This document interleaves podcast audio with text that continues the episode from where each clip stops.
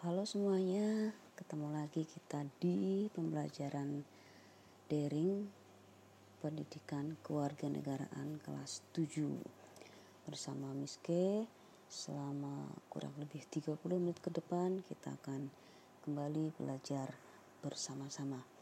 Oke, untuk hari ini materi kita adalah tentang kerjasama dalam berbagai bidang kehidupan. Yang punya buku boleh dibuka, ada di buku cetak halaman mulai halaman 125. Oke ya, kita mulai belajarnya. Kerjasama dalam berbagai bidang kehidupan. Kerjasama dalam mengusir penjajah di dalam meraih kemerdekaan bangsa itu merupakan sebuah bukti kemampuan bangsa Indonesia dalam mengatasi perbedaan-perbedaan yang ada. Terbentuknya Negara Kesatuan Republik Indonesia diawali dengan adanya kesadaran nasional akan persatuan dan kesatuan bangsa. Jadi, persatuan dan kesatuan bangsa itu mengandung makna terikatnya beberapa bagian menjadi satu kesatuan sehingga rakyat Indonesia memiliki kesadaran bersama bahwa kerjasama itu sangat penting untuk bisa meraih kemerdekaan. Nah, karena persatuan dan kesatuan itu sangat penting, oleh karena itu, semangat kerjasama para pejuang bangsa dalam merebut dan mempertahankan kemerdekaan harus mendorong setiap warga negara untuk mengisi kemerdekaan dengan melakukan kerjasama dalam berbagai bidang kehidupan untuk melaksanakan pembangunan nasional. Pembangunan nasional itu sendiri adalah suatu usaha secara sadar untuk mewujudkan suatu masyarakat Indonesia yang adil dan makmur berdasarkan Pancasila dan UUD tahun 1945. Tercapainya tujuan nasional bangsa Indonesia tersebut mensyaratkan bahwa setiap warga negara harus melakukan kerjasama dalam berbagai bidang kehidupan untuk mensukseskan pembangunan nasional. Adanya kerjasama dalam berbagai bidang kehidupan akan sangat menunjang keberhasilan pembangunan nasional. Nah, apa sih contoh dari kerjasama yang pernah ada di Indonesia atau yang kita kenal di negara kita ya kita bisa lihat eh, contoh-contoh bentuk gotong royong yang pernah atau yang kita kenal di dalam masyarakat Indonesia antara lain yang pertama yang disebut dengan gotong royong berburu dan mengumpulkan makanan. Bentuk gotong royong ini sudah terjadi ribuan tahun yang lalu ketika manusia masih masuk di dalam masa berburu hewan liar. Ya, tradisi ini juga masih berlanjut dan masih ada sehingga saat ini misalnya eh, melambu dengan masyarakat Tolaki Sulawesi Tenggara atau Monyilo pada masyarakat suku Pamona di Sulawesi Tengah. Molambu sendiri merupakan kegiatan gotong royong berburu binatang liar, sedangkan Monyilo adalah kegiatan gotong royong untuk menangkap ikan di laut.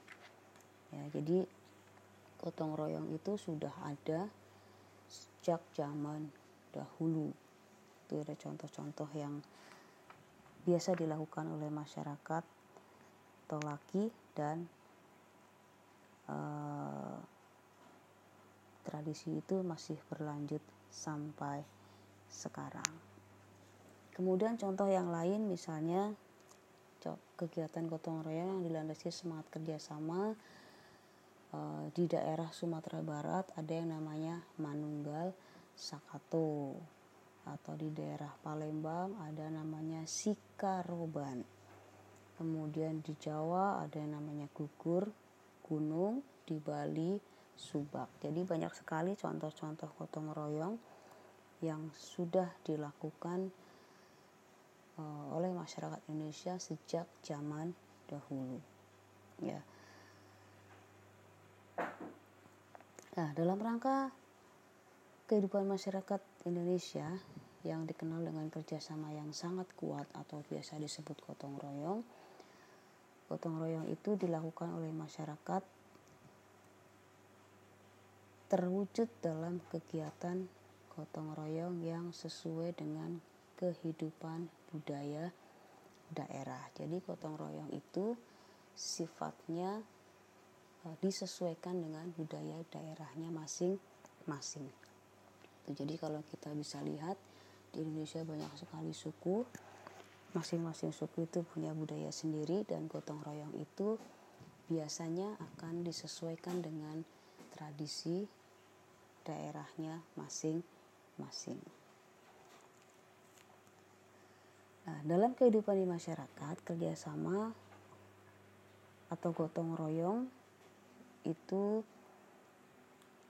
merupakan ciri khas dan budaya masyarakat Indonesia yang didorong adanya kesadaran bahwa satu manusia memerlukan bantuan orang lain dalam kehidupannya. Ya, jadi uh, alasan pertama mengapa gotong royong itu harus dilakukan yang pertama adalah manusia memerlukan bantuan orang lain dalam kehidupannya sudah kita ketahui bersama bahwa kita sebagai manusia tidak bisa hidup sendiri yang kedua manusia dapat hidup secara wajar apabila bersama-sama dengan manusia lainnya. Ya, jadi manusia itu dapat hidup wajar kalau kita itu bersama dengan yang lain. Coba kalau kita lihat ada orang yang tidak mau bergaul dengan orang lain pasti dianggap tidak wajar. Ya, jadi itu dua alasan mengapa gotong royong itu menjadi ciri khas dan budaya bangsa Indonesia. Nah, yang berikutnya bentuk kerjasama atau gotong royong dalam bermasyarakat, berbangsa dan bernegara dapat nampak dalam kehidupan sosial, politik, ekonomi, keamanan, pertahanan, dan kehidupan umat beragama. Jadi nilai ketuhanan, nilai kemanusiaan, nilai persatuan, nilai musyawarah dan keadilan itu merupakan nilai-nilai Pancasila yang mendasari kerjasama atau gotong royong dalam kehidupan bernegara. Ya, itu tadi tentang gotong royong. Ya, berikutnya kita masuk ke bentuk-bentuk kerjasama dalam berbagai bidang kehidupan di masyarakat. Ada empat bentuk kerjasama yang akan kita bahas. Yang pertama adalah kerjasama bidang kehidupan sosial politik. Yang kedua nanti kerjasama bidang ekonomi. Yang ketiga kerjasama di bidang pertahanan dan keamanan negara, dan yang keempat, kerjasama antar umat beragama. Oke, kita mulai satu persatu kita bahas. Yang pertama, kita bicarakan tentang kerjasama dalam kehidupan sosial politik. Landasan kehidupan sosial politik masyarakat Indonesia adalah sila keempat Pancasila yang berbunyi kerakyatan yang dipimpin oleh hikmat kebijaksanaan dalam permusyawaratan perwakilan. Sila keempat Pancasila pada prinsipnya itu sebetulnya menegaskan bahwa bangsa Indonesia akan terus memelihara dan mengembangkan semangat bermusyawarah dalam perwakilan. Bangsa Indonesia akan tetap memelihara dan mengembangkan kehidupan demokrasi. Nah, bagaimana kehidupan demokrasi itu? Salah satu bentuk kehidupan demokrasi adalah dengan permusyawaratan apa sih permusyawaratan? Nah, permusyawaratan adalah suatu tata cara khas kepribadian Indonesia untuk merumuskan atau memutuskan suatu hal berdasarkan kehendak rakyat hingga tercapai keputusan yang berdasarkan kebulatan pendapat atau mufakat. Nah, perwakilan adalah suatu sistem dalam arti tata cara atau prosedur mengusahakan turut sertanya rakyat mengambil bagian dalam kehidupan bernegara antara lain dilakukan dengan melalui badan-badan perwakilan. Badan-badan perwakilan itu bisa DPRD atau DPR atau DPD atau MPR. Nah, bagaimana uh, upaya kita untuk bisa mewujudkan kerjasama di bidang sosial politik ini. Ini ada beberapa contoh yang bisa uh, sampaikan. Yang pertama, dengan mengutamakan kepentingan negara dan masyarakat. Yang kedua, tidak memaksakan kehendak kepada orang lain. Setiap orang punya hak yang sama untuk menyampaikan pendapatnya. Yang ketiga, mengutamakan musyawarah ketika mengambil keputusan untuk kepentingan bersama. Jadi eh, dimusyawarahkan apa yang terbaik, keputusannya dicapai kesepakatan dan itu ditaati bersama. Kemudian musyawarah untuk mencapai mufakat diliputi oleh semangat kekeluargaan. Ya, jadi kesepakatan itu dilandasi oleh semangat kekeluargaan bahwa kita adalah sebenarnya sama. Berbeda pendapat boleh, tapi ketika sudah bermusyawarah, bermufakat, semuanya harus mengikuti keputusan yang sudah diambil. Berikutnya, menerima dan melaksanakan hasil keputusan musyawarah dengan etikat baik dan rasa tanggung jawab. Yang keenam, musyawarah dilakukan dengan akal sehat sesuai dengan hati nurani yang luhur dan contoh yang ketujuh adalah keputusan yang diambil harus dapat dipertanggungjawabkan secara moral kepada Tuhan yang Maha Esa. Jadi semua keputusan itu tidak sembarangan kita membuat keputusan, tapi secara moral kita harus bisa mempertanggungjawabkan bahwa keputusan itu tidak melanggar aturan-aturan yang diberikan oleh Tuhan. Oke, yang kedua, kerjasama dalam bidang kehidupan ekonomi. Dalam kehidupan ekonomi, kerjasama digambarkan pada pasal 23A Undang-Undang Dasar Negara Republik Indonesia tahun 1945 berbunyi pajak dan pungutan lain yang bersifat memaksa untuk keperluan negara diatur dengan undang-undang. Pajak digunakan oleh negara untuk apa? Untuk mem membiayai pembangunan nasional. Dengan demikian pembangunan nasional itu untuk mensejahterakan dan memakmurkan rakyat. Ya, jadi pembangunan nasional itu untuk kesejahteraan dan kemakmuran rakyat dibiayai dari pajak. Setiap wajib pajak secara bergotong royong membiayai pembangunan nasional melalui pajak yang dibayarkan. Jadi kalau kita sudah punya kewajiban membayar pajak sebagai warga negara yang baik, maka sebaiknya kita taat membayar pajak. Karena dengan kita ikut membayar pajak berarti kita sudah ikut menjadi bagian dari pembangunan nasional.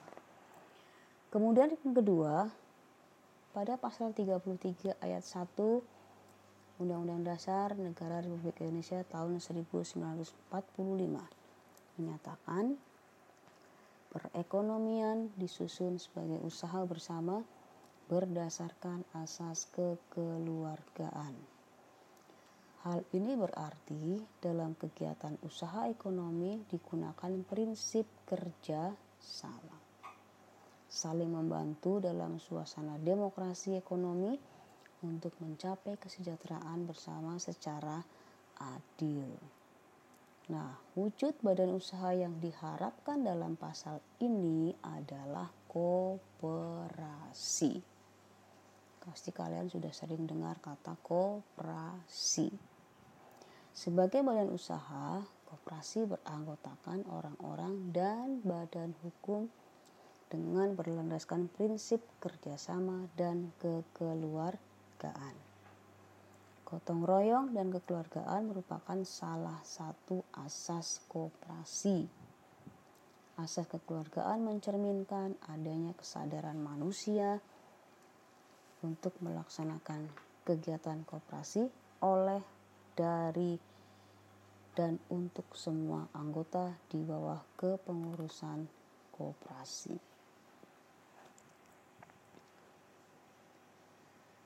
Nah, dalam gotong royong membangun perekonomian nasional terdapat semangat kekeluargaan, kerjasama antar anggota dan tanggung jawab bersama untuk memajukan kesejahteraan anggota dan masyarakat.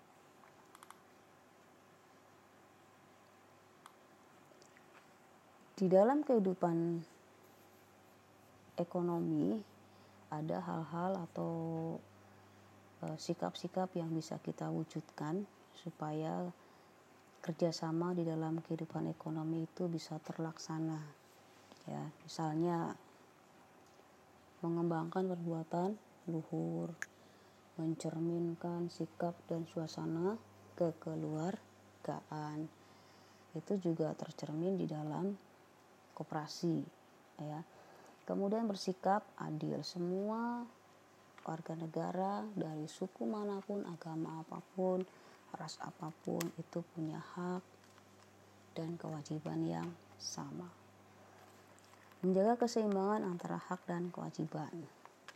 Ini yang sering sering terjadi. Kadang-kadang kita lebih suka menuntut hak lebih dulu daripada menjalankan kewajiban. Yang betul adalah kita berjalan bersama-sama, kita melaksanakan kewajiban kita, maka kita mendapatkan hak kita.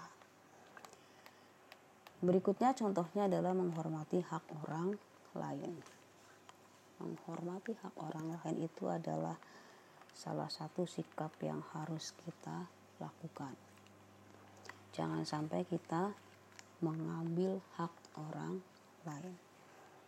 Kemudian Hmm, contoh yang lain misalnya suka memberi pertolongan. Apalagi sekarang di di situasi yang saat ini sedang kacau itu uh, membuat kita berusaha untuk saling menolong. Gitu ya supaya semuanya bisa terbebas dari keterpurukan. Kemudian hmm, tidak boros. Ya tidak boros itu termasuk dalam hmm, ekonomi. Kemudian tidak bergaya hidup mewah. Gaya hidup mewah itu tidak penting gitu ya. Jadi yang penting adalah kita hidup sederhana tidak perlu pamer ke orang lain. Kemudian contoh yang lain adalah suka bekerja keras. Ya, suka bekerja keras itu salah satu contoh manusia modern. Karena kalau kita tidak bisa bekerja keras ya hasilnya pun tidak akan bisa maksimal. Ya jadi itu beberapa contoh uh, sikap yang bisa kita lakukan dalam rangka mewujudkan kerjasama di kehidupan ekonomi. Kemudian yang ketiga, kerjasama dalam bidang kehidupan pertahanan keamanan negara. Dalam pasal 30 ayat 1 Undang-Undang Dasar Negara Republik Indonesia menyebutkan bahwa tiap-tiap warga negara berhak dan wajib ikut serta dalam usaha pertahanan dan keamanan negara.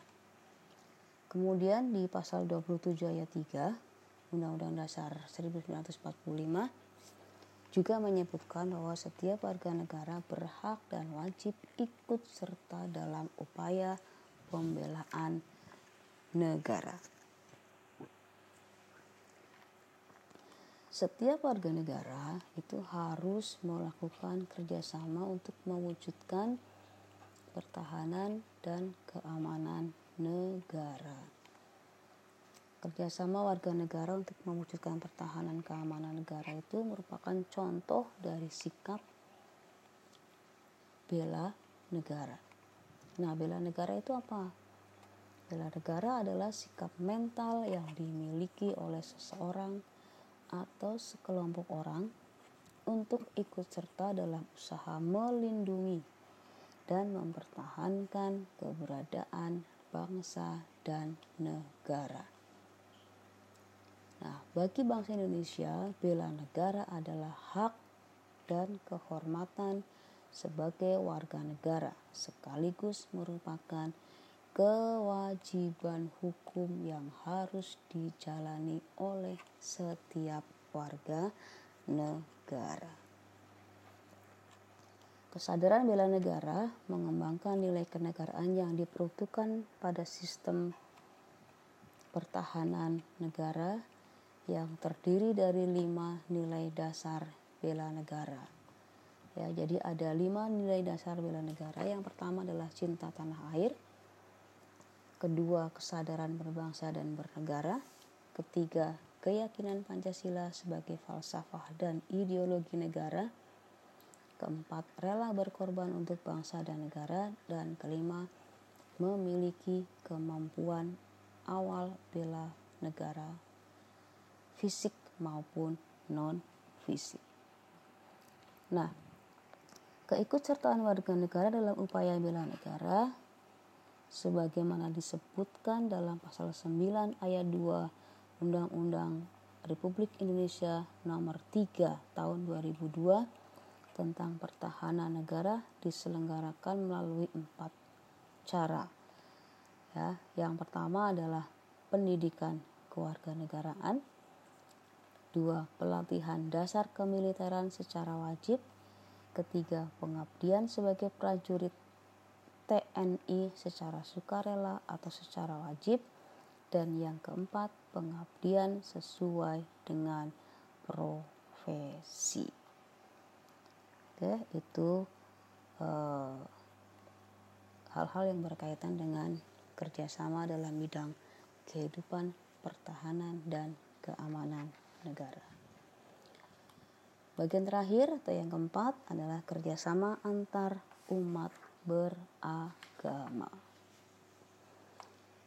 Pasal 29 ayat 2 Undang-Undang Dasar Negara Republik Indonesia tahun 1945 berbunyi, negara menjamin kemerdekaan tiap-tiap penduduk untuk memeluk agamanya masing-masing dan beribadat menurut agama dan kepercayaannya itu. Ketentuan pasal tersebut mengandung pengertian adanya jaminan negara atas hak kebebasan penduduk untuk memeluk agama dan beribadah menurut agama yang dianutnya. Ya, jadi ada jaminan negara atas hak kebebasan penduduk untuk memeluk agama. Nah, kerjasama antar umat beragama itu ditandai dengan adanya sikap-sikap sebagai berikut. Yang pertama, saling menghormati umat seagama dan berbeda agama. Itu penting sekali karena Indonesia itu terdapat berbagai macam agama. Yang kedua, saling menghormati lembaga keagamaan yang seagama dan berbeda agama. Yang ketiga, sikap saling menghormati hak dan kewajiban umat beragama. Dengan demikian, ketentuan pasal tersebut mengandung pengertian adanya jaminan negara atas hak kebebasan penduduk untuk memeluk agama dan beribadah menurut agama yang dianutnya. Nah, di dalam mengembangkan sikap bekerja sama di berbagai bidang kehidupan masyarakat, setiap warga negara harus menghindari sikap tidak terpuji seperti di bawah ini. Ya, ini contoh-contoh sikap yang tidak terpuji yang harus kita hindari. Yang pertama adalah sikap fanatik sempit, yaitu sikap yang merasa diri paling benar, yang merasa diri sendiri paling benar. Itu harus kita hindari. Yang kedua, sikap individualis, yaitu sifat yang lebih mendahulukan kepentingan sendiri. Tiga, eksklusivisme, yaitu sikap selalu memisahkan diri dari kehidupan sosial di masyarakat karena adanya jurang pemisah. Akibat perbedaan suku bangsa, adat istiadat, agama, dan bahasa daerah. Yang keempat, primordialisme yaitu perasaan kesukuan yang berlebihan. Ya, jadi ada empat sikap yang harus kita hindari kaitannya dengan kerjasama di berbagai bidang kehidupan masyarakat fanatik fanatik sempit, sikap individualis, eksklusivisme, dan primordialisme. Oke, itu yang bisa kita pelajari untuk hari ini berkaitan dengan materi bentuk bentuk-bentuk kerjasama dalam berbagai bidang kehidupan di masyarakat. Mudah-mudahan penjelasan Miss hari ini bisa kalian pahami dengan baik. Untuk materi hari ini Miss kira cukup sampai di sini. Nanti kita lanjutkan lagi materi berikutnya minggu depan. Selamat siang. Sampai ketemu lagi minggu depan. GPM My Soul.